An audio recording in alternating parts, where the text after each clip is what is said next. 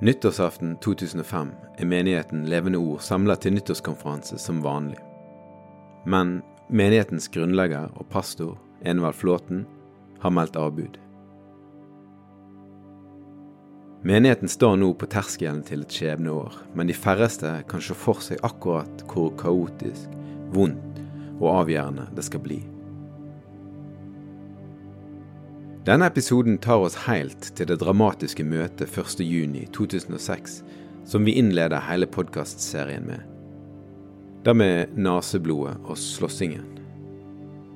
Du skal få høre fra mannen som fikk siste ord i den fortellingen, og om en siste klem som ble alt annet enn god. Fra oppstarten i 1992 vokste bergensmenigheten Levende Ord til å bli Norges største frimenighet. Med skoledrift, misjonsvirksomhet, menighetsplanting og et omfattende mediearbeid fikk menigheten en enorm rekkevidde og innflytelse.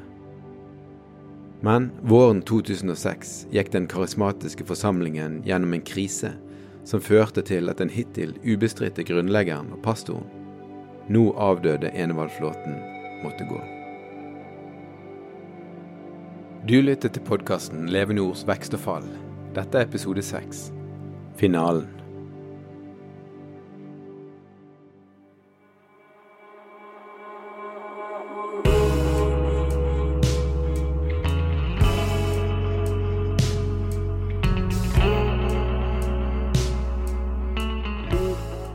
Nasjonen skal igjen oppreises til en kristen nasjon som skal utruste og sende ut tusentalls av unge misjonærer ut i verden. Det er det vi er kalt til.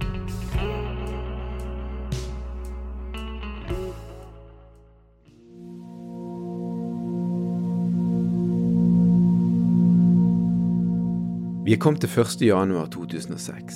I romjulen har Enevald Flåten kommet hjem fra en reise til Filippinene. Men nyttårskonferansen har blitt arrangert uten han. Og så vidt jeg veit, har det aldri skjedd før. Det er et forvarsel.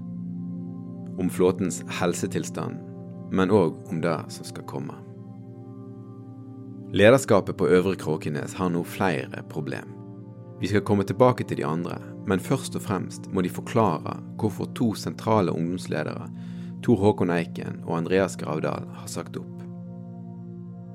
Problemet består i å ivareta ungdomsmiljøet, men òg i å forklare resten av menigheten hva dette betyr. Eiken ble av mange sett på som en slags kronprins, en som kunne komme opp og ta mer ansvar sammen med flåten. Eiken forteller meg at det aldri var aktuelt å ta over som hovedpastor, men det er ikke tvil om at hans oppsigelse skaper et lite jordskjelv på Øvre Kråkenes.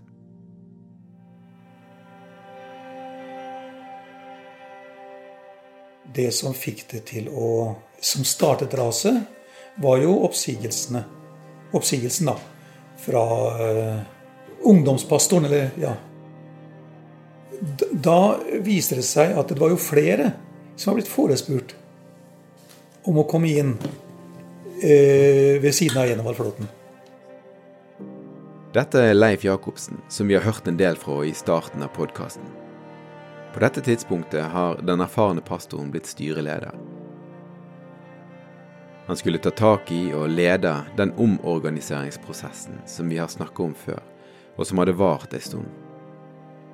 Du hørte han si at flere var blitt forespurt om å komme inn og avlaste flåten.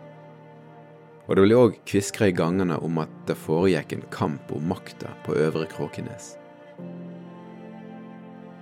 Det vises at det var flere som var kontaktet av flåten med spørsmål om de kunne komme og bli eh, pastorer, medpastorer med Enevald. Det var en ugreie i ledelsen eh, med ulike signaler som ble sendt,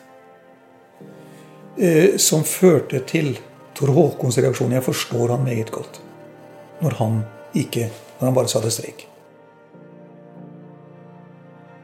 Men eh, eh, hurtigheten på raset fram til sommeren, eh, eh, første halvår i 2006, overrasket meg, som sagt. Leif Jacobsen har åpnet arkivet sitt fra denne dramatiske perioden for meg, og det er masse der. Forslag til avtaler som bare er signert av den ene parten. Svar som bare er signert av den andre parten.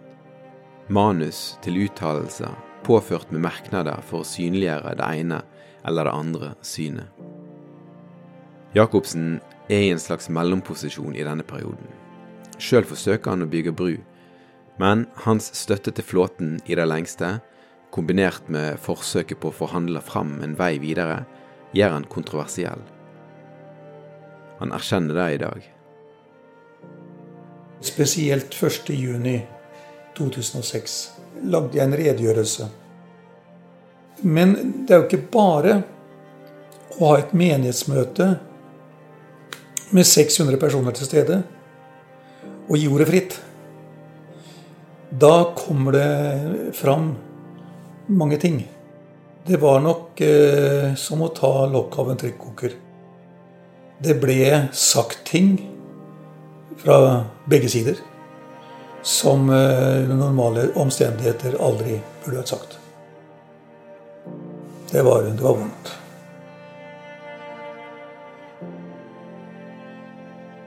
Slike menighetsmøter hvor du har én person som mange skyter på og anklager Ja, For da var situasjonen Begge veier. Begge veier. Men det var ikke sånn 50-50? Jeg vet ikke, men det var i hvert fall en stor gruppe som uttrykte mistillit til Enevald. Og det var en stor gruppe som uttrykte tillit til Enevald. Og det er jo den beste måten å få polarisering på, og en splittelse. Åpen splittelse. Ulf Ekman, som hele tida har vært en viktig person for flåten og Leven Ord, kommer til Bergen på eget initiativ. Han sier at han aldri har kjent en så sterk overbevisning om at han måtte dra til en menighet i krise før. Og det som skjer når han kommer, sier masse om hva slags dynamikk som utvikler seg i lederskapet på denne tida. For eh, staben tar kontakt med Ekman, enten før han kommer eller når han kommer, og ber om å få snakke med han før han snakker med Enevald-flåten. Jacobsen blir heller ikke bedt om å være til stede. Kanskje pga. hans dobbeltrolle som ansatt og styreleder, men antageligvis òg pga. hans relasjon til flåten. Men de ønsket først å få åpne sitt hjerte for Ulf. Og det var et møte Jeg har fått beskrevet i ettertid. Det var et møte til dels av sjelesørgerisk karakter. Med sterke emosjoner. Flere på levende ord hadde det vondt. Veldig vondt.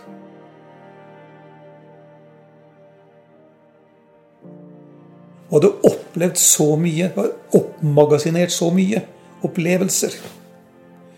Og følelsen av å være manipulert. At de ønsket å ha denne samtalen med Ulf først. Selv om jeg da ville sett det naturlig at Ulf først snakket med Enevald, så er det ikke vanskelig for å forstå i ettertid at de følte behov for å ha den første samtalen. Men uansett Det jeg, så jeg i ettertid. Jeg så det ikke da. Men i ettertid ser jeg at Enevald på det tidspunktet var syk, ute av balanse og ute av selvkontroll. For som styreleder forsøkte jeg å bygge broer. I hvert fall bygge bro. Så jeg tok ikke noe standpunkt. Jeg så Forsøkte å se saken litt balansert. Men i alle fall. Dersom Enevald hadde vært frisk nok, vil jeg si, til å ta imot det rådet som Ulf Ekman ga, så ville, det er min oppfatning, ville veien videre for levende ord vært helt annerledes enn det den ble. Så det er jo mange mennesker som har blitt såra av tida på Levenor. Men en god del har jo problemer med å etablere noe nytt forhold til kirke og menighet. Man hører òg om, om, ekteskap som, som røyk til under den dramatiske tida. Hvordan har du forholdt deg til det? Ja, Eh, jeg har selvfølgelig lært for min egen del eh, og blitt preget av dette. Jeg ser at um, som forbilde og referanseperson uh, har jeg vært medvirkende til uh, å forlede eller lede mennesker til å være med på noe som vi i ettertid beklager. Men for meg blir det litt for enkelt med en generell beklagelse. Det blir som å ta en valla. Jeg er mer enn åpen for, hvis noen føler behov for det, for en telefon, for en samtale, å snakke igjennom ting. For ingen av oss er fullkomne. Ser man tilbake på 50 års tjeneste, så har man gjort ting som man beklager, og som man helst ville latt være å gjøre.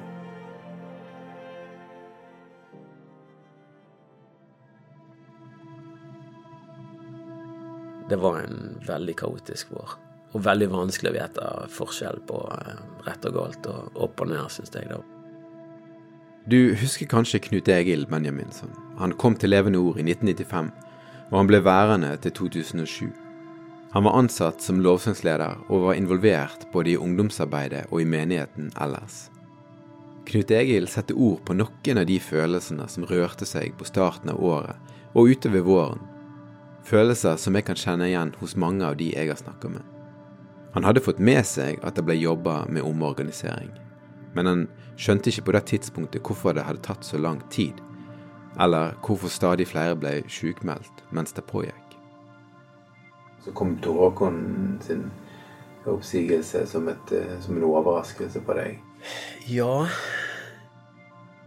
eh, Og det var egentlig etter han var blitt forespeilt å, å ta over mer i, i menigheten. Og eh, da ble det etter hvert veldig tydelig hvor, det, hvor mye Enevald vingla, på en måte. Sant? At det, når det da ikke var Tor Håkon som plutselig skulle være noen andre igjen, og så var de spurt Altså, Tor Håkon fortalte hvordan Enevald hadde, hadde spurt han om det, da, konkret. Men han var nok veldig frustrert over den vinglinga og, og, på en måte bli vist tillit, og så blir det trukket tilbake, og så Hvor er vi på vei som menighet? Og så eh, tror jeg han bare skjønner at her eh, Her går vi ingen plass i øyeblikket. Da begynte sikkert en troskamp for mange, vil jeg tro. Nyheten om oppsigelsene måtte bli sluppet til ungdomsmiljøet, som Knut Egil var tett på i den tida. Og på det møtet så ble det invitert en taler som var kjent som morsom og gøy å høre på, husker Benjaminsson. Ja, det var jo fullstendig feil medisin til en helt rista ungdomsflokk, da. To bærende skikkelser på en måte plutselig sette en strek. Nei, det var et jordskjelv. Og jeg tror folk bare Altså, det, det, det er bare en masse spørsmålstegn som, eh, som kommer som ei flodbølge liksom, på hele, hele gjengen. Knut Egil forteller at informasjon som ble gitt, opplevdes begrenset. Han forstår godt hvorfor, men det hjalp ikke på forvirringen og fortvilelsen, eller på spørsmålene om hva en nå skulle gjøre. Jeg husker det første møtepunktet som jeg eh, fikk situasjonen mer live, da var når eh, Tor Håkon skulle komme tilbake igjen. Det var et menighetsmøte han ble invitert til for å liksom prøve å få sagt ha det på en eller annen måte. Og, eh, og han var veldig Når menigheten prøvde å klappe for han, så ville han ikke at de skulle gjøre det, fordi at eh, en hadde klappa fram ting tidligere som han eh, reagerte veldig sterkt på, som var feil. Og det husker jeg han var, eh, han var veldig, veldig prega. Det gjør jo at en det synker litt inn over oss på en måte hva tyngden av det han har gått gjennom. Det er sterkt å høre om den indre kampen som foregikk i Knut Egil, og som jeg hører hos mange andre. Mennesket som var viktig for han, drog i ulike retninger. For den unge lovsangslederen var det en plutselig åpenbaring på en biltur som ble avgjørende for han. Jeg hadde ropt virkelig til Gud, altså. Ropt til Gud om Jeg kjørte i bil og ropte til Gud om at Gud måtte vise meg hva er det som foregår, eller hva fot skal jeg stå på her? Hvem er det som har rett, hvem er det som har feil? og så kom jeg til et punkt der jeg opplevde at Gud bare trekte til sides, nesten som at du står foran en scene, og så er teppet foran der, og så er det nesten som Gud bare trekker i snora, og så åpner teppet seg, og så ser du bare helt klart hva som skjer. Denne opplevelsen ble så konkret for han at han følte seg nærmest kalla til å skrive ned det han så. Og han beskrev det til eh, den britiske pastoren Colin Urquhart, som var kalla inn for å overta ledelsen av menigheten en kort periode. Han snakka med venner, som støtta han i å konfrontere briten. Der bare meg og han satt der, og jeg leste opp det som jeg mente var sannheten, både om Enevald og om han, egentlig. Og jeg fikk ikke lest siste setningen, husker jeg, fordi at han avbrøt meg, og han sa at eh, dette var sprøyt, og han brukte sine holdt på å år med erfaring, og han pekte til sin egen status og alt for å vise at jeg hadde ingenting jeg skulle ha sagt. da. Men jeg kjente meg veldig glad for at jeg hadde levert det som jeg opplevde jeg skulle si til han. For Knut Egil ble dette viktig. Det hjalp han til å sortere. Navigere som menneske i ei uoversiktlig tid, der menneskene han hadde stolt på, plutselig sto på hver sin side i en hard konflikt, som kunne oppleves stygg. Men det var én ting som fortsatt plagde han. Snakket Enevald Flåten virkelig usant? Siste gangen jeg traff han, det husker jeg veldig tydelig da måtte jeg Det var liksom bare siste steinen i Eller brikken i, i puslespillet for meg, da. Det var en konkret sak som jeg ikke husker hva var lenger. Men jeg visste at hvis, her må jeg bare finne ut om han lyver eller snakker sånt. Det var bare meg og han. Jeg satt eh, rett foran han, og jeg opplevde å snakke med en oppriktig mann. Han mente det som han sa. Han trodde på det som han sa. Det var et veldig konkret spørsmål. Og etter da Jeg følte vi hadde kontakt, hjertekontakt, liksom. Etter da så gikk jeg ut på eh, gangen og ringte eh, Leif Jacobsen og en annen person som jeg visste var, eh, var nøytral på en måte i, i konflikten, og som ikke hadde tatt noen åpenbar side. Og, og jeg spurte de, og jeg, og jeg sa hva Enevald òg hadde sagt, og de sa at dette stemmer ikke han laug.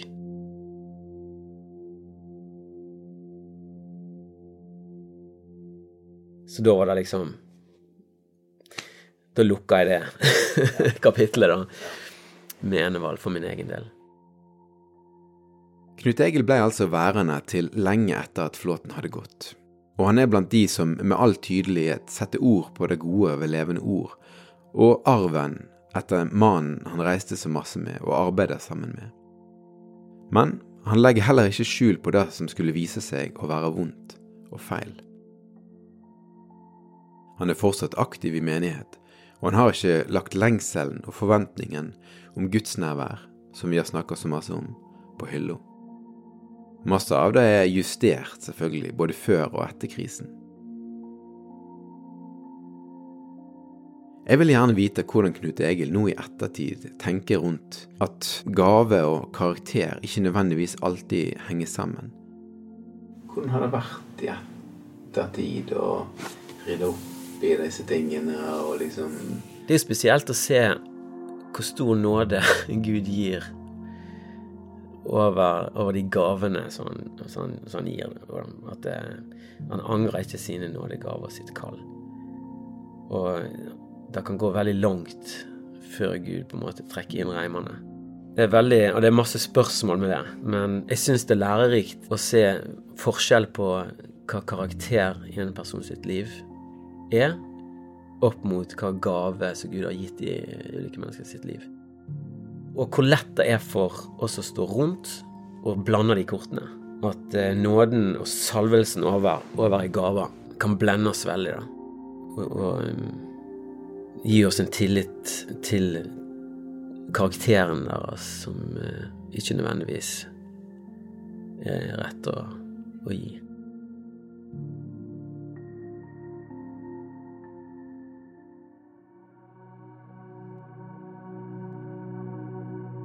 Vi reiste jo fra Bergen i 2002, og det smalt vel i 2006 på Levanor. Sånn at de fire verste årene de slapp jo vi unna, på en måte. Du husker kanskje Jan Helge Hindenes fra de to første episodene. I 2002 dro han og familien til Stord for å lede et menighetsarbeid der. Dermed kom han litt på avstanden akkurat fra Øvre Kråkenes. Men likevel så ble han ikke overraska da ei gruppe ledere fra modermenigheten tok kontakt og fortalte om uroen på Øvre Kråkenes, og hva de konkret hadde satt ord på da de hadde snakka sammen. Men jeg veit at når de ringte til meg fra Bergen, når eh, var iallfall i den tiden, da husker jeg at jeg sa liksom at eh, jeg tror på alt det dere sier, jeg trenger ikke sjekke sannhetsgestalten i det, fordi at dette så jeg konturene av før jeg flytta fra Bergen, så dette er nok riktig.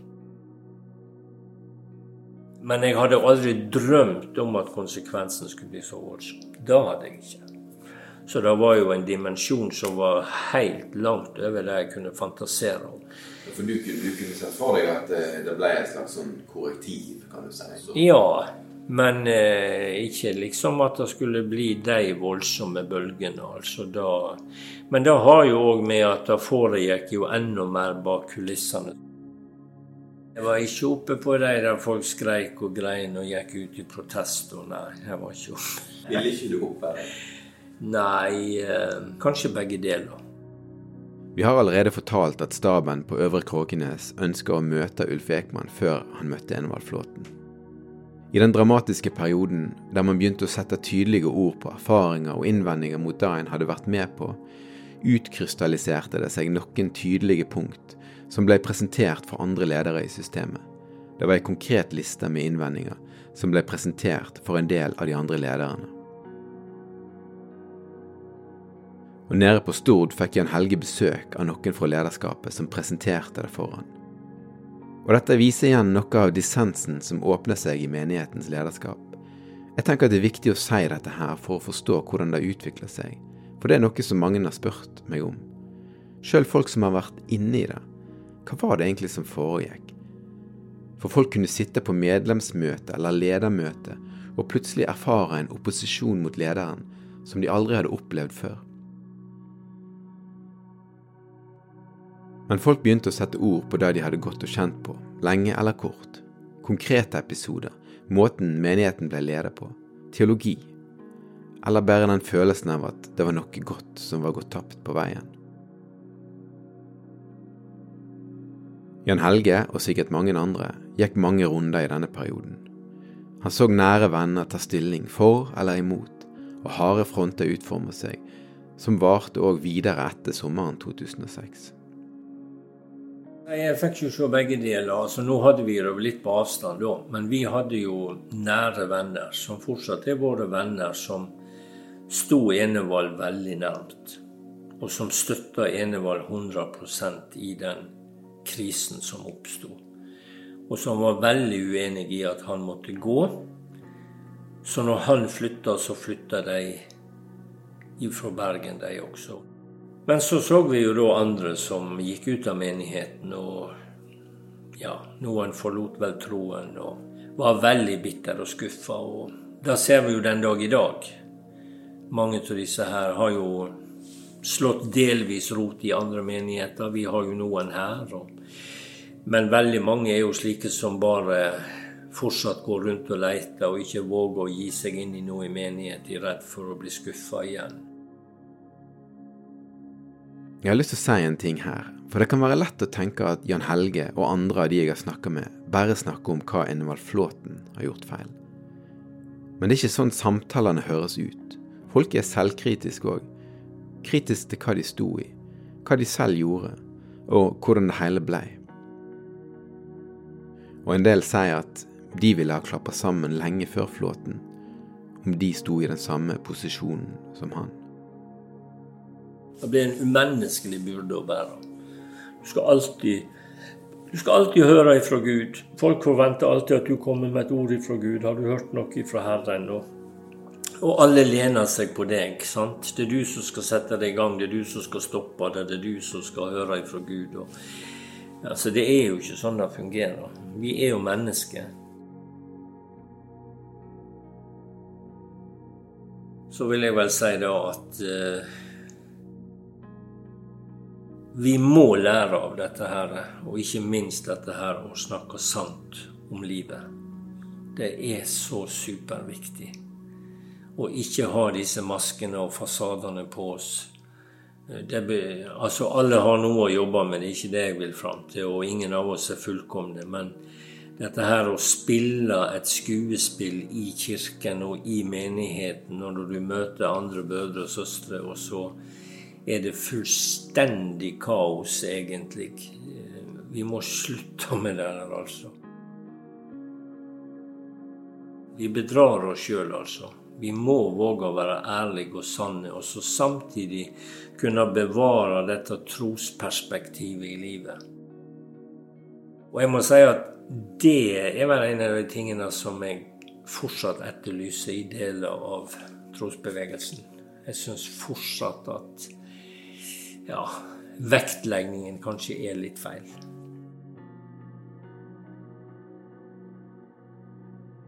Vi må videre. Oppsigelsene i ungdomsarbeidet har revet opp en verkebyll, og ut av den byllen kommer masse som er undertrykt. På et tidspunkt sier Enevald Flåten at han vil ha alt på bordet. Han vil høre hva folk sitter med, og ber om et ledermøte med full åpenhet. Medlederen hans råder han fra det. Det vil ikke bli pent. Og vil det være konstruktivt? Men Flåten står på sitt. Det dukker opp masse i det møtet. Men igjen, ikke alle var der. Og det er lett å se nå i ettertid hvordan den skeive informasjonsflyten som oppstår her, følger med inn i de store menighetsmøtene som seinere blir arrangert. Og det fins nok de som tenker at det er lett å se hva lederskapet på Øvre Kråkenes skulle gjort annerledes. Gitt flere detaljer, og åpna mer for at medlemmene kunne få gitt sine stemmer. Gitt mer taletid for medlemmer, eller vært mer lydhør for innsigelser til den kritikken som de andre lederne reiste mot Enevald. Lederne som ble igjen, og som har ledet menigheten gjennom kriseårene som fulgte, har ikke ønsket å bidra i denne podkastserien. Det har tatt for masse tid og energi allerede. Jeg kan ikke spekulere i hvordan de ville evaluert denne våren, men det skal ikke masse fantasi til for å tenke seg at det må ha vært en vanskelig situasjon å være i og å håndtere. En hadde absolutt ikke begge hender på rattet, for Enevald Flåten var fortsatt virksom. Og det ble synlig for alle da briten Colin Urquhart kom. Og det er jo en historie for seg. Den britiske menighetslederen var blant Flåtens og Levende Ords rådgivere. Ved et tidligere besøk i 2002 hadde han kommet med noen uttalelser om underkastelse under pastor Flåten som rett og slett ikke tåler dagens lys. Staben fikk spørsmålet Kan dere si Jeg tilhører deg, Enevald, jeg elsker deg, jeg vil sørge for deg, forsvare deg, jeg vil ære deg, være tro mot deg. Jeg vil ikke tale ondt om deg eller lytte til andre som gjør det. Kan du si dette? Hvis ikke dere kan, må dere forlate stillingene deres. Sånn blir Colin Urquhart sitt besøk i 2002 gjengitt i pressen.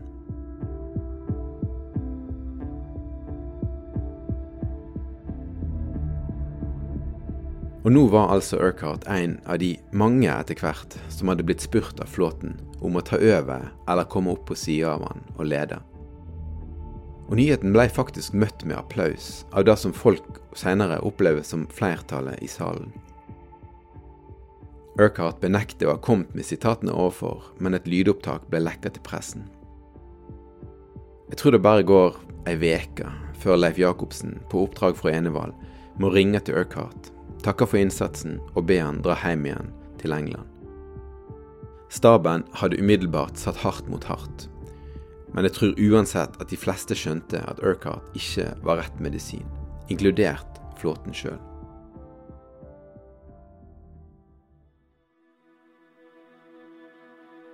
Så nærmer vi oss slutten av den kronologiske gjennomgangen av historien om levende ord fra 1992 til 2006. Vi får ikke fortalt alt. Vi får ikke belyst alle sider ved denne dramatiske historien. Det vil alle være innforstått med, og jeg er sikker på at det finnes viktige sider som er utelatt, eller kanskje til og med oversett, fra min side. Og det er jo heller ikke sånn at historien tar slutt den sommerkvelden 1. juni, der vår historie kommer til å slutte. Men for meg er det som kommer nå, likevel den riktige avslutningen på fortellingen. For den tar opp i seg dobbeltheten som så mange føler på overfor levende ord, og den tar oss helt fram til slutten. Dette er Terje og Mai Tove Tofting sin fortelling. Det var helt overveldende. For det var jo ikke en lovsang som jeg var vant til.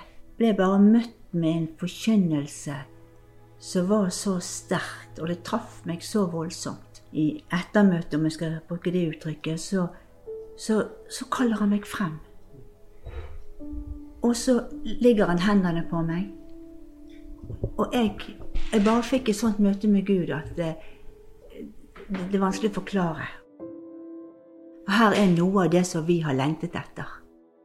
Dette er Mai Tove Tofting. Hun forteller om sitt første møte med levende ord. Hun hadde ringt sin mann Terje ute i Nordsjøen først, for å høre med han om hun burde bli med ei venninne opp til Øvre Kråkenes. Men seinere ble Terje òg med, og her forteller han om sin første tur opp til Evenor. Og jeg snakker om å huske ting som om det var i dag, men jeg begynte å gråte. Tårene rant. Det var en salvelse over den lovsangen som det går ikke an å sitte menneskelige ord på. Det var en sånn tjenerånd så til stede som jeg Man skal aldri si aldri, men jeg vet ikke om jeg har møtt det før på den måten i offentlig sammenheng. Mai Tove og Terje Tofting kom fra menigheter som de var veldig glad i, og som de fortsatt snakker varmt om. Men etter hvert fant de ro for å dra til Øvre Kråkenes for å bli med der. Historien deres ligner sånn sett veldig på mange av de andre vi har hørt før, særlig fra den gylne tida som vi har snakket om. De blir med i menigheten og får etter hvert ansvar der. Noen år seinere får Terje en helt spesiell opplevelse, som er en av flere som gir han en overveldende sikkerhet på at Enevald Flåten var en mann som kunne oppleve å høre fra Gud. På denne tida så arbeidet Terje fortsatt offshore og en natt hører han en stemme. Men så står jeg eh, inne i, på kjøkkenet, og så kommer det en stemme til meg og sier Terje, nå er det snart slutt for deg, eller snart det siste gangen du kommer til å reise ut i Nordsjøen. Hvor kommer det fra? Hva er det? Og så eh, kommer denne røsten igjen, sier han. Når du kommer hjem, så kommer pastor Enevold til å spørre om du vil begynne fast som fast medarbeider i menigheten. Så kom jeg hjem. Det var vel onsdag eller torsdag i uken derpå som eh, jeg kom hjem om mandagen. Så så sier jeg til Tove at uh, Ordlyden var vel noe sånt at Tove, kan ikke du sitte ned, så skal jeg fortelle deg noe, men du tror sikkert at jeg er gal. Så sier jeg til noen akkurat sånn som så det var der ute, og hva jeg opplevde. Og da sa du Nei, da sa jeg at ja vel, har Gud talt, så går vi for det.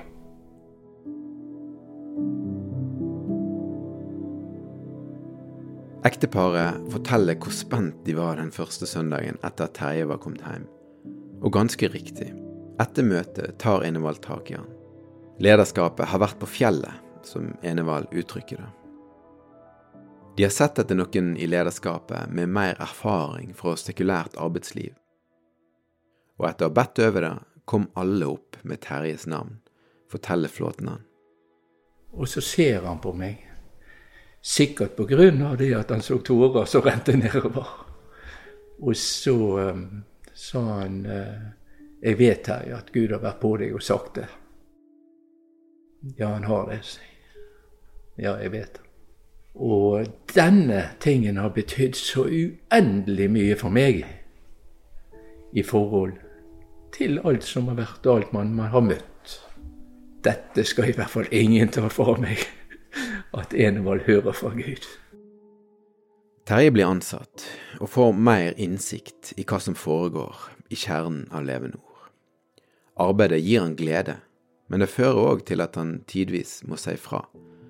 Det kan være måten økonomien og menigheten blir drevet på, eller bare det at han ser en mann i Enevald som er djupt sliten. Terje sin filosofi er at hvis du elsker noen, så må du si fra.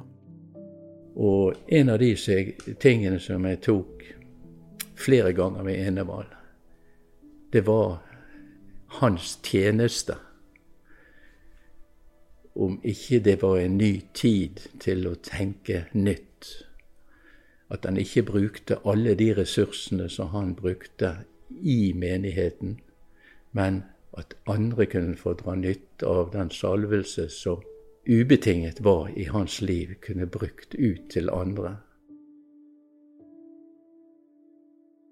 Men jeg er overbevist om hadde Enevald, som jeg tror kanskje Jeg skal ikke tillegge han noe etter han er død, men, men eh, Kanskje han hadde tenkt litt over de samtalene vi hadde.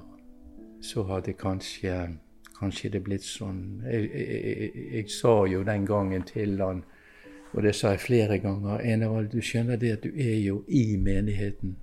Menigheten vil jo serve deg. Du vil jo på alle områder bli servet. Men du er ikke pastoren. Det er en annen som overtar den rollen eller team.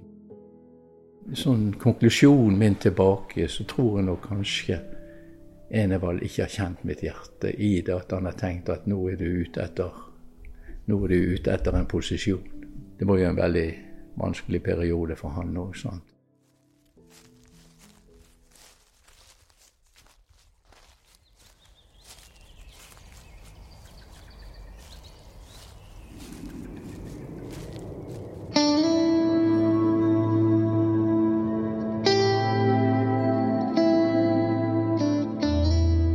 Og dette tar oss til 1. juni 2006. Store navn som pastor Robert Eek fra Livets Ord og Åge Åleskjær fra Oslo Kristne Senter er i salen. Jeg har lest Leif Jacobsen sitt framlag til løsning for hva som skulle skje videre etter dette menighetsmøtet. Permisjon for flåten, pastorteam overtar ledelsen framover et dokument som Jacobsen og mange andre hadde jobba lenge med. Men den som skulle ha det avgjørende ordet, var Terje. Og da når jeg sitter der, så bare måtte jeg reise meg. Jeg syns det var veldig vanskelig for både Robert Eek og eh, Åge Oleskjær. Var jo til stede for å hjelpe menigheten i situasjonen. Sant? Og jeg tenkte på det at det er ikke lett for Enevald. Her kommer to som har stått han veldig nær. Og så plutselig, så på en måte, viker de til side òg. Eller de, de må snakkes om sannhet. På dette tidspunktet, i dette møtet, så tror mange at det kan finnes en løsning i det som Leif Jacobsen legger fram. Ikke misforstå, det er alt annet enn sikkert at det ville ha skjedd. Både den dramatiske våren, uroen og forhandlingene hadde avslørt dype kløfter mellom staben, styret og Enevaldflåten. Men likevel, hvis en fikk flåten til å ta en pause, så kanskje kunne ting ordne seg. Men så reiser Terje seg.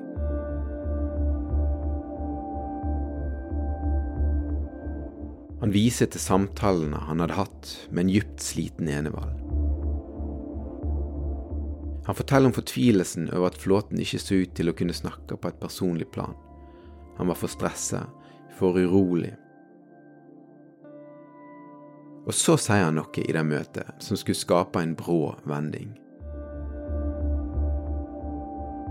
Det var noe han hadde sagt til Enevald på tomannshånd flere ganger, ifølge han sjøl. Det som lå veldig på meg, det var at Enevald, kan ikke du nå snu om på den måten at du går ut i den tjenesten og slipper menigheten? For det var jo fantastiske muligheter i forhold til eh, folk som var klar til å ta over.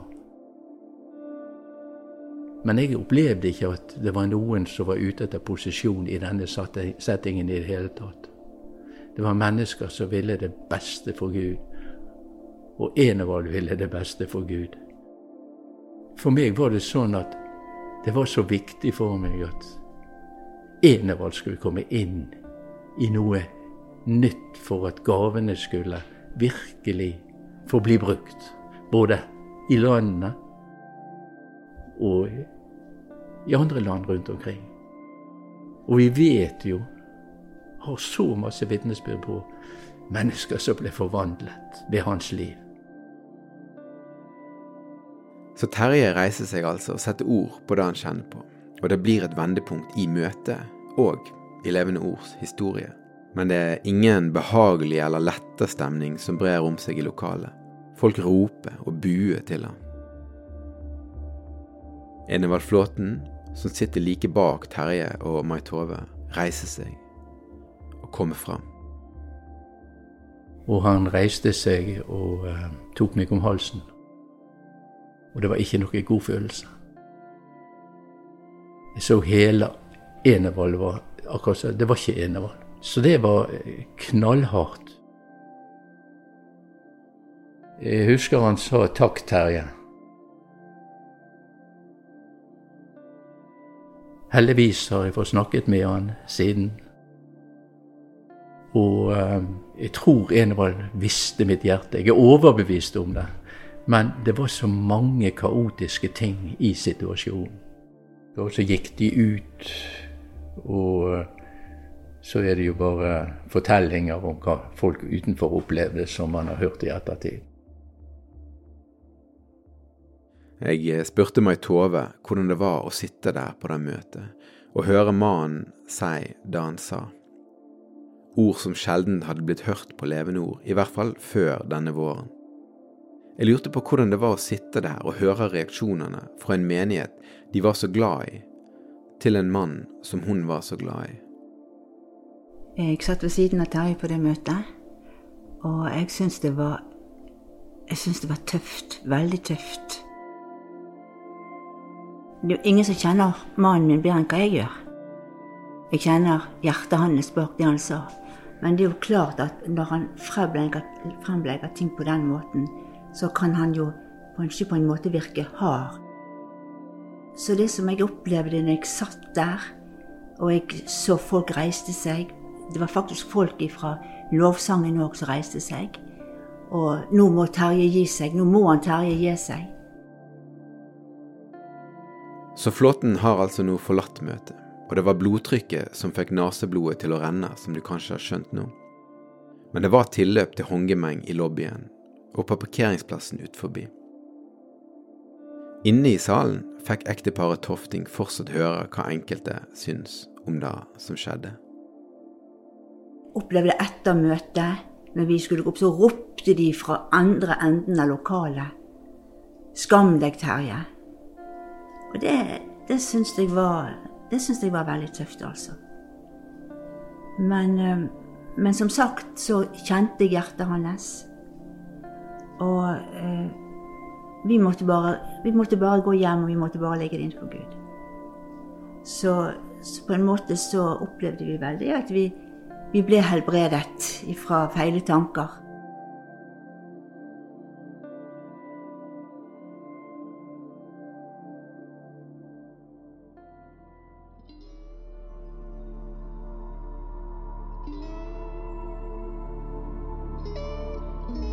Jeg har forsøkt å få dette her bekreftet så godt som mulig. At dette er det møtet vi begynte med 1.6. Og det ser ut til å stemme. At disse ordene fra Terje, som var meint som viktige ord til en venn i et tøff tid, ble utløsende for at flåten går. som du kanskje husker fra starten, vekk fra levende ord, vekk fra Øvre Kråkenes, vekk fra menigheten han hadde grunnlagt og leda i 14 år.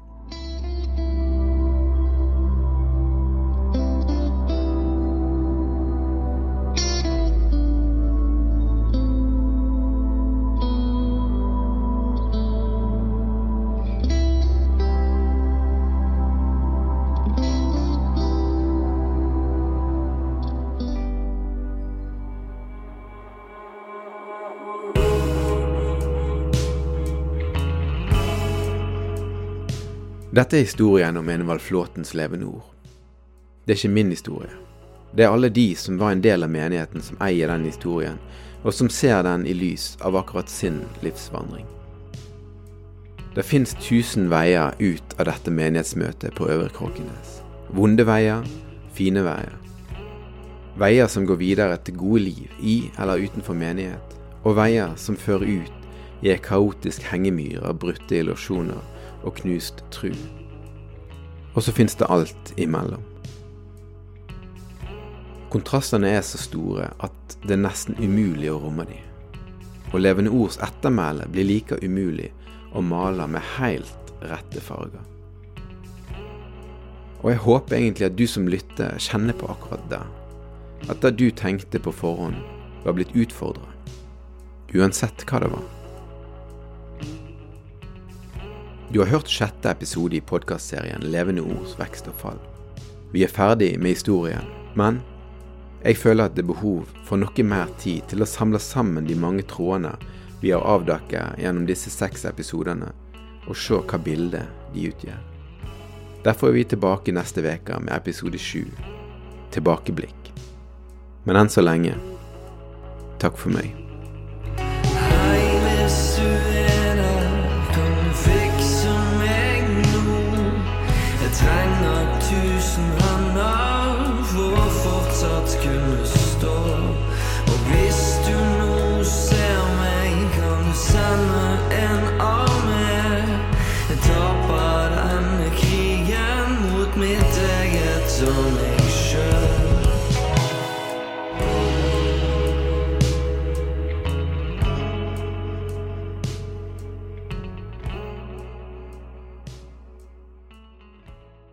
Du har lyttet til podkasten Levende ords vekst og fall, en podkast fra dagen.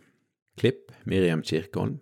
Idé- og reportasjeledelse ved Vebjørn Selbekk. Konsulenter Herman Fransen og Christian Mastranda fra Lyder Produksjoner. Sosiale medier og grafikk ved Simon Sætren. Tittelspor Engleøyne ved artisten Stenersen. Jeg heter Eivind Algerøy.